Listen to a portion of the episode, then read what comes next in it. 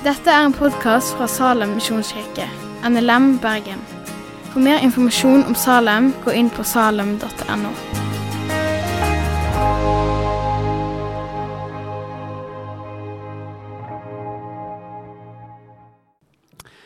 En mann som heter Lasarus, var blitt sjuk. Han var fra Betania, landsbyen der Maria og hennes søster Martha bodde. Det var Maria som salva Herren med fin salve og tørka føttene hans med håret sitt. Lasarus, som lå sjuk, var hennes bror. Søstrene sendte bud til Jesus og sa, 'Herre, han som du er så glad i, er sjuk.' Da Jesus fikk høre det, sa han, 'Denne sykdommen fører ikke til døden, men er til Guds ære.' For ved den skal Guds sønn bli herliggjort. Jesus var glad i Martha og hennes søster og Lasarus. Da han hadde fått høre at Lasarus var sjuk, ble han ennå to dager der han var. Deretter sa han til disiplene, la oss dra tilbake igjen til Judea. Rabbi, jødene prøvde nettopp å steine deg, og nå drar du dit igjen, sa disiplene. Jesus svarte, har ikke dagen tolv timer? Den som vandrer om dagen, snubler ikke, for han ser denne verdens lys. Men den som vandrer om natta, snubler, for han har ikke lyset i seg.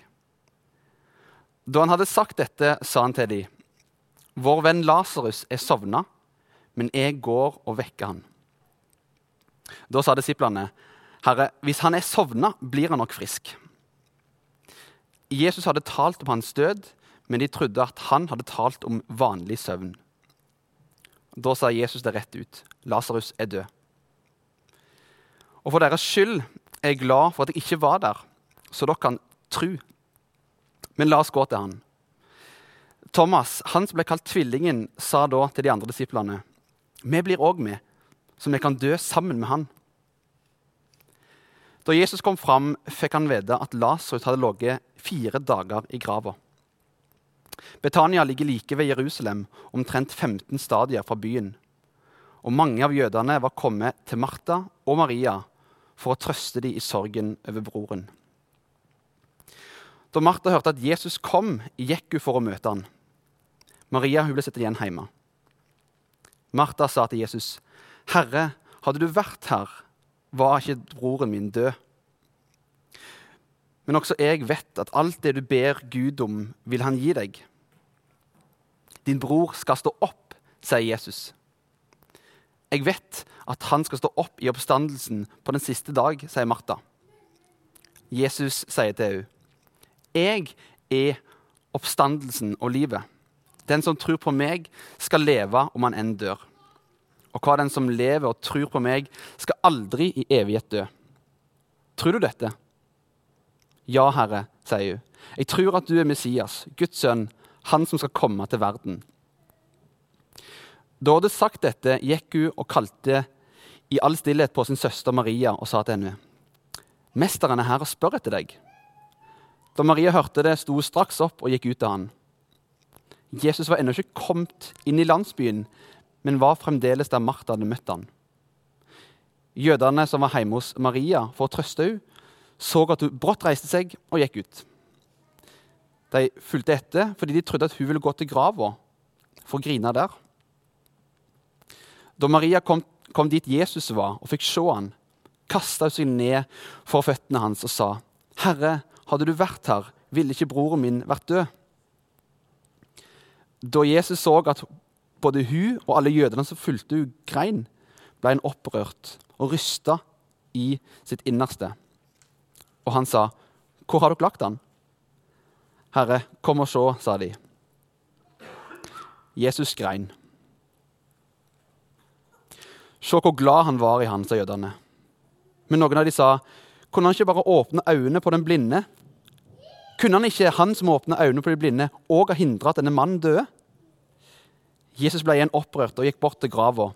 Det var ei håle, og det lå en stein foran åpningen. Jesus sier, 'Ta steinen vekk.' 'Herre', sier Martha, den døde søster. 'Det lukter alt av han. Han har jo ligget der i fire dager i grava.' Jesus sier til henne, 'Sa jeg deg ikke at hvis du tror, skal du få se Guds herlighet. Så tok de vekk steinen. Jesus løfta blikket mot himmelen og sa, Far, jeg takker deg fordi du har hørt meg. Jeg vet at du alltid hører meg.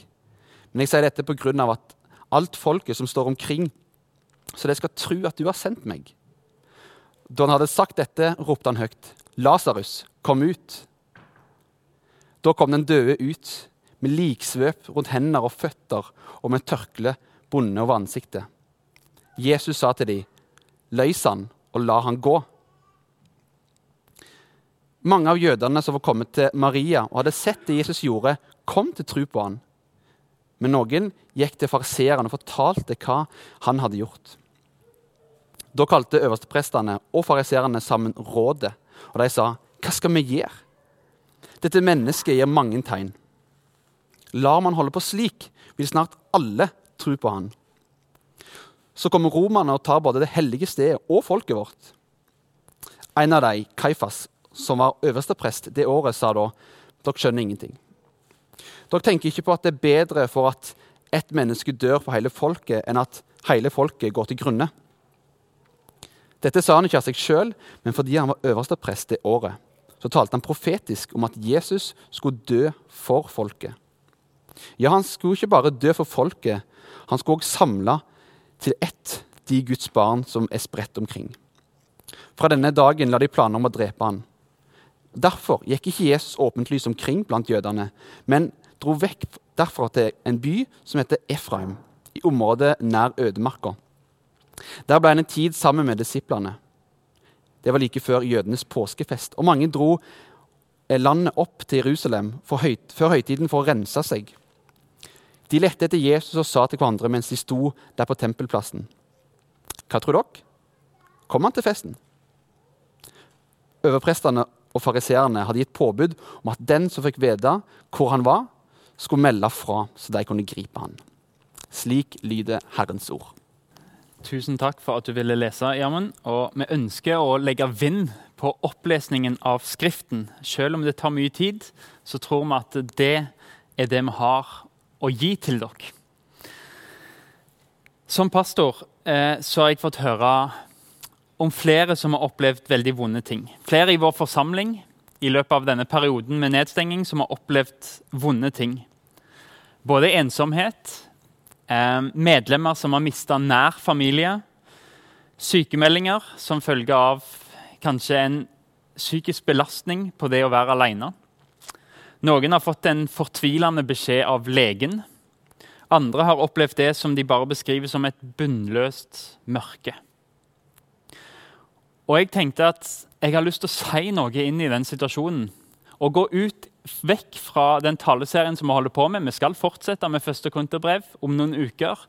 Men de to kommende ukene så vil vi som stab vi ønsker å si noe til dere. Og komme med et budskap som jeg tror Bibelen har til våre medlemmer. Og til du som sitter og ikke er medlem i Salem òg, og som kanskje har erfart noe vondt. Og lite visste jeg, etter at jeg hadde bestemt meg for å ha denne innfallsvinkelen til talen, at jeg, sammen med min familie, skulle sitte sammen med min bestemor, Mommi, for å ta farvel med henne. At talen skulle bli så relevant for meg sjøl å jobbe med denne uka her. At inngangen til forberedelsene skulle bli at jeg sjøl var vitne til hvor stygg og fremmed døden er for oss. Herre, ditt ord er sannhet. Jeg ber om at du kan trøste oss med din sannhet i dag, Herre. Amen. Jesus er et menneske. Alt det det innebærer å være menneske, dog uten synd, det var Jesus, og det er Jesus i dag. Og følelser det er en viktig del av det å være menneske. Jesus følte òg. Og Jesu følelser det fløyt ut av et perfekt hjerte. Hvordan ser det ut? Et følelsesliv som er perfekt. Når vi ser på Jesus, så tenker vi at han helt naturlig kjente på medfølelse for mennesker. Det er den følelsen Det nye testamentet tilskriver Jesus aller oftest. Men han hadde òg medlidenhet med de svake og lidende. Og Det førte til hans følelsesliv fikk uttrykk i hans gjerninger. og Evangelistene oppsummerer han gikk rundt og gjorde vel. Og Det bunna ut i hans følelser når han møtte mennesker. Inderlig medfølelse det er et begrep vi ofte leser som beskriver Jesus. Han reagerer sånn i Nytestamentet i møte med død, i møte med sykdom og kroniske plager. Det handler om at følelsene hans og lengslene vrir seg i magen hans. Og substantivformen som brukes om verbet å, å ha inderlig medfølelse, det betyr tarmer. Og Det viser noe av hvordan Jesus møter lidelse, at det vrir seg inni han. Vi kan ha medfølelse som mennesker, men våre hjerter er allikevel oppfarende og kalde. De er prega av synd. Derfor er våre hjerter kalde, ofte i møte med lidelse som ikke angår oss direkte. Men sånn er det ikke med Jesus. Hans følelser er ikke prega av syndefallet. Han overreagerer ikke når vi gjør noe galt, men han underreagerer ikke når du møter lidelse. Han vil møte den lidende og trengende. Han som har barmhjertighet og medlidenhet, som ikke er satt i håndjern av synd og egoisme. Hvordan ser en perfekt barmhjertighet ut? Se på Jesus. Men det er ikke bare medfølelse. For Jesus blir òg sint, vred. Jeg vet ikke om det er en del av ditt bilde av en syndfri Jesus, at han kunne bli fryktelig sint. Og det er frigjørende. Det er en konsekvens av kjærligheten han har til deg. Når en person som du er glad i, blir krenka på noe vis, så blir du sint fordi du er så glad i vedkommende. Du vil ikke noe vondt skal skje. For Jesus er det umulig å stå og se på at noe som er galt eller vondt, skjer med deg. Han kan ikke være likegyldig og ubevega da. Hans avsky mot ondskap og hans sinne mot lidelse det er et uttrykk for hans fullkomne kjærlighet til deg. Og Hans kjærlighet ville vært likegyldig hvis han ikke ble sint. En Jesus uten medfølelse ville aldri blitt sint. Og en Jesus som aldri ble sint, kunne ikke ha medfølelse. Men Jesus ble sint, og Jesus blir sint i dag. Fordi han er det perfekte mennesket som elsker fullkomment. Og hans sinne reflekterer hans kjærlighet. Men det er et sinne uten hint av synd. Et rettferdig sinne, en hellig vrede. Men hva er det Jesus blir sint på? Jo, I Nytestamentet så leser vi at han blir sint om en lærer eller lærere som misleder små barn til fortapelsen. Eller om en lærer som lesser byrder på folk som de ikke kan bære. Han blir sint på kjøpmenn som hindrer folk i å komme til tempelet for å finne tilgivelse og nåde i offerordningen. Men kanskje det klareste eksempelet på Jesus sinne finner vi i teksten vi leste i dag. Jeg leser vers 32-38 igjen. Da Maria kom dit Jesus var, og fikk se ham, kastet hun seg ned for føttene hans og sa, 'Herre, hadde du vært her, ville ikke broren min vært død.' Da Jesus så at både hun og alle jødene som fulgte henne, gråt, ble han opprørt og rystet i sitt innerste. Og han sa, 'Hvor har dere lagt ham?' 'Herre, kom og se', sa de. Jesus gråt. 'Se hvor glad han var i ham', sa jødene. Men noen av dem sa, kunne, ikke, kunne ikke han som åpnet øynene på den blinde, også hindret at denne mannen døde?' Jesus ble igjen opprørt og gikk bort til graven. Det verbet som, som, er oversatt 'opprørt' i denne teksten, det er et ord som beskriver et intenst sinne.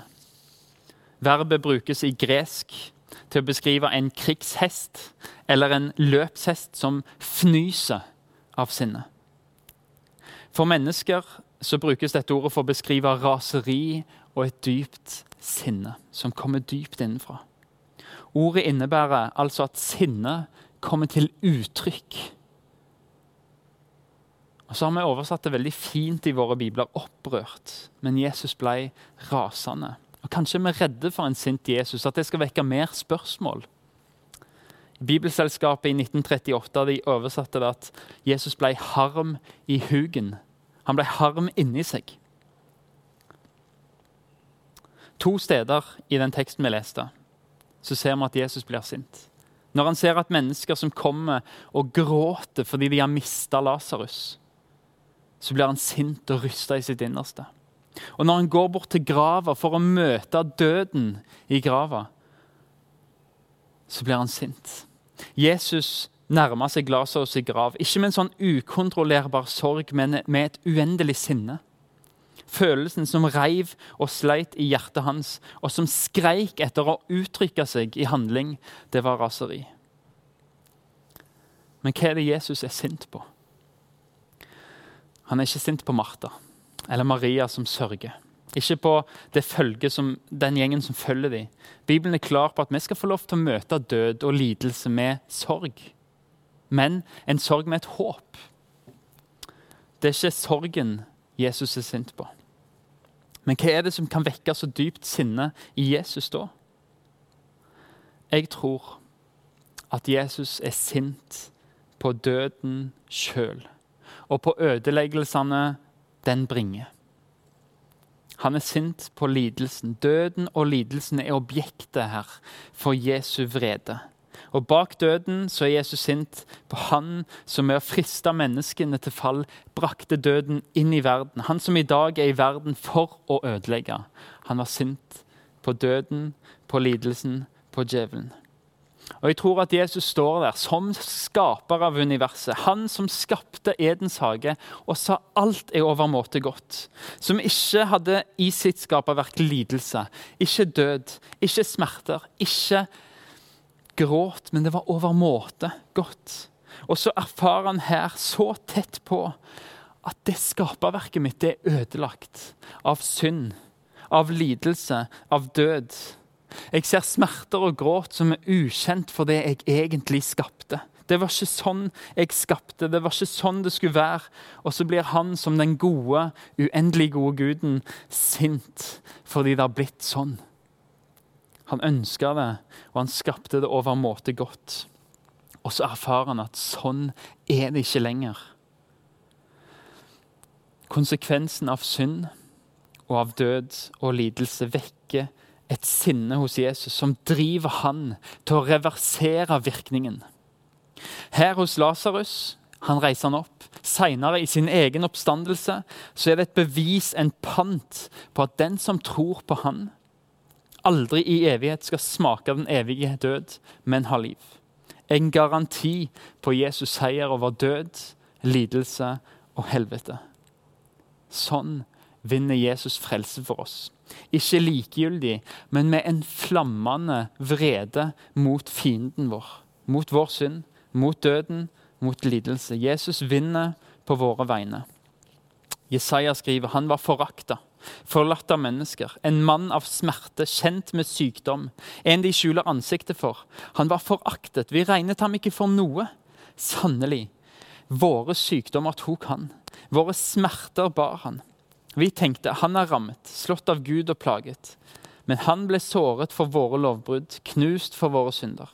Straffen lå på han, vi fikk fred, og ved hans sår ble vi helbredet.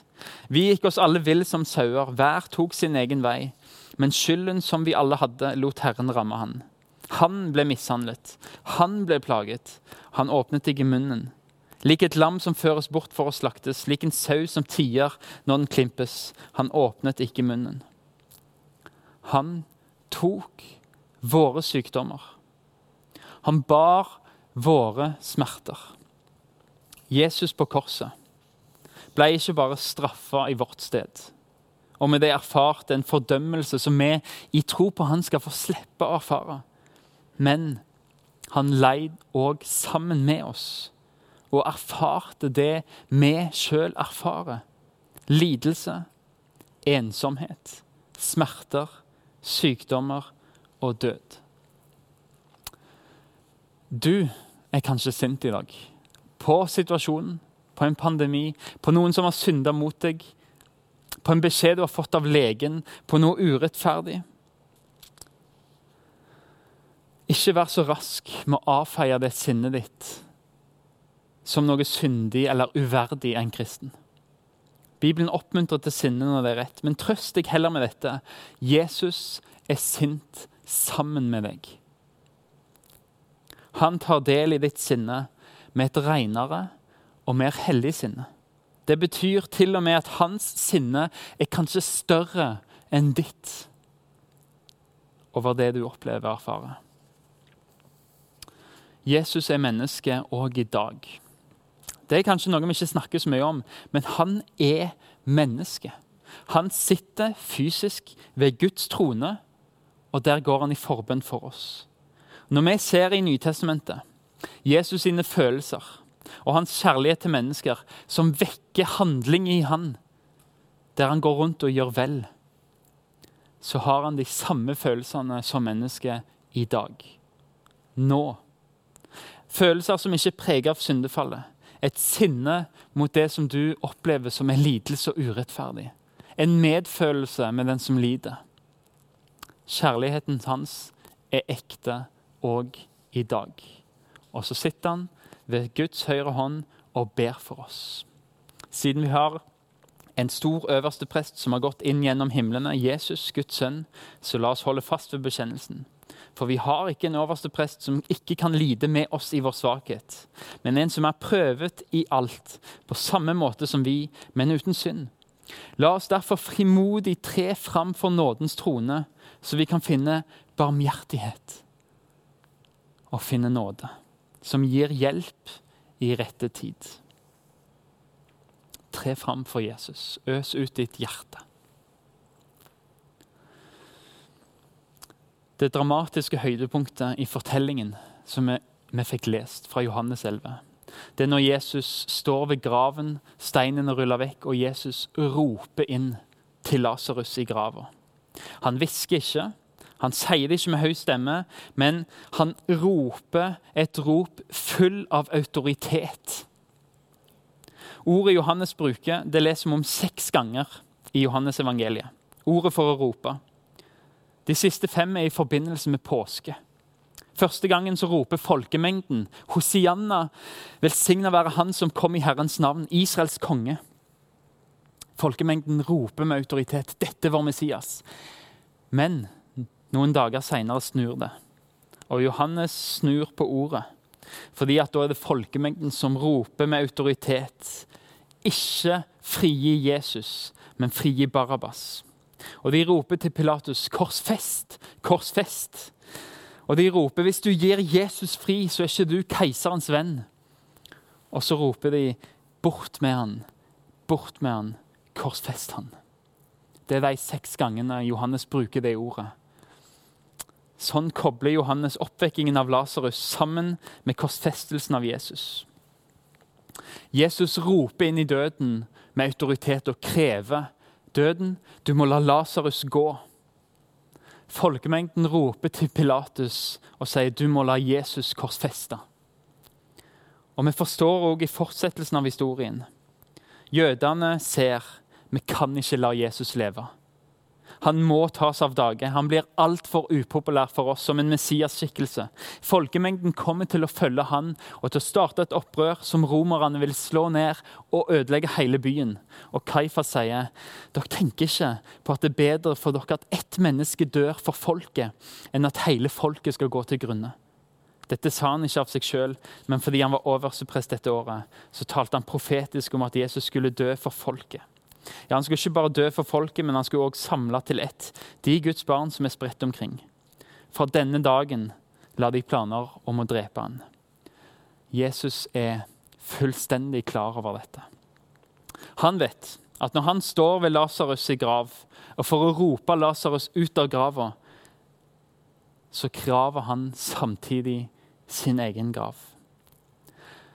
Det å vekke Jesus opp, Lasarus opp fra døden det kosta Jesus livet. Han visste at nå kom jeg til å bli den som jødene vil ta livet av. Men han gjør det villig. Og på samme måte gjør han det med deg. Han vil vekke deg opp til et nytt liv, men det koster han døden. Han vil la deg slippe konsekvensene for din synd. Døden. Derfor går han sjøl i døden for å ta din plass, din straff, din skyld. Så du i troen på han kan bli regna som frikjent og være viss på at en dag så skal du òg bli vekt opp fra de grav til det evige liv. Min bestemor, mommy, sa noen dager før hun døde Jeg og Jesus, vi skal komme gjennom dette. Hun trodde at hun skulle tåle operasjonen. Hun var sikker på at Jesus skulle gå gjennom dette sammen med henne. Og hun hadde helt rett. De greide det sammen. Etter en veldig kort tids lidelse så måtte den sykdommen gi tapt. Og hun er evig helbreda i troen på Jesus. For Jesus sier, 'Jeg er oppstandelsen og livet'. Jeg er oppstandelsen og livet. Med evig liv og bergning fra døden, det er ikke noe du kan få ved å be Gud om det. Men det er å leve livet sammen med Jesus. I troen på Han så eier du det. De som tror at han er Messias, at han er Herre, at han er frelser. De som legger sitt liv i hans hender, de får leve. Og de får lide, og de får dø i håpet på at han kan vekke oss til en ny himmel og en ny jord. Der det ikke skal være gråt, ikke smerte, der vi skal få treffe igjen våre kjære som er gått bort, i troen på han. Og jeg så en ny himmel og en ny jord. For den første himmel og den første jord var borte, og havet fantes ikke mer. Og jeg så den hellige byen, det nye Jerusalem, stige ned fra himmelen, fra Gud, gjort i stand og pyntet som en brud for sin brudgom. Og jeg hørte fra tonen en høy røst som sa, Se, Guds bolig er hos menneskene. Han skal bo hos dem, og de skal være hans folk, og Gud selv skal være hos dem. Han skal være deres Gud. Han skal tørke bort hver tåre fra deres øyne, og døden skal ikke være mer. Heller ikke sorg eller skrik eller smerte, for det som en gang var, er borte. Han som sitter på tronen, sa, Se, jeg gjør alle ting nye. Og han la til, Skriv det ned, for dette er troverdige og sanne ord. Så sa han til meg, Det har skjedd. Jeg er alfa og omega. Begynnelsen og enden. Jeg vil gi den tørste å drikke av kilden med livets vann som gave. Den som seirer, skal få dette i arv, og jeg vil være hans Gud, og han skal være min sønn. Men de feige, de vantro og vanhellige, de som myrder, driver med hor og trolldom, avgudsdyrkelse og alle løgnere, deres plass skal være i sjøen som brenner ved ild og svovel. Det er den annen død. Den annen død kan unngås kun ved troen på Jesus. Og kanskje har du sett denne talen og kjent deg igjen at du lider. Uansett hva det kan være for noe så har jeg lyst til å invitere deg til å ta imot Jesus. Han er en som sier, 'Kom til meg, du som strever og bærer tunge, tunge byrder, og jeg vil gi deg hvile.' Hvile i din relasjon til Gud. Hvile i form av et håp om en evighet. Og kanskje til og med hvile i form av at han trøster deg her og nå. Men jeg har lyst til å si at vi har lyst til å være til stede for våre medlemmer. Og Kanskje til og med for du som ser på som ikke er medlem, har vi lyst til å være i kirke som, som er som Jesus med åpne armer. Hvis du har behov for å prate med noen, hvis du har behov for å dele nattverd med noen, for å bekjenne syndene for noen som kan høre på, hvis du ønsker å ta imot Jesus, men ikke vet hvordan, vi har lyst til å hjelpe deg. Du kan sende oss en e-post på salembergen, alfakrøllnlm.no. Så har vi lyst til å møte deg, enten digitalt eller å, å treffe deg. Eller å sette deg i kontakt med andre kirker som er der du bor. Men vi vil iallfall at du skal vite at det evige liv, håpet som kan hjelpe oss til å bære gjennom det vi erfarer her, på en god måte, det er tilgjengelig for deg i Jesus. Og vi har lyst til å vise han til deg. Og det hjelper vi deg veldig gjerne til. Gud velsigne deg. Takk for at du har hørt på podkasten fra Salem, Bergen. I Salem vil vi vinne, bevare, utruste og sende. Til Guds ære. Vi ønsker å se mennesker finne fellesskap, møte Jesus og bli disippelgjort her i Bergen og i resten av verden. Vil du vite mer om oss, gå inn på salem.no.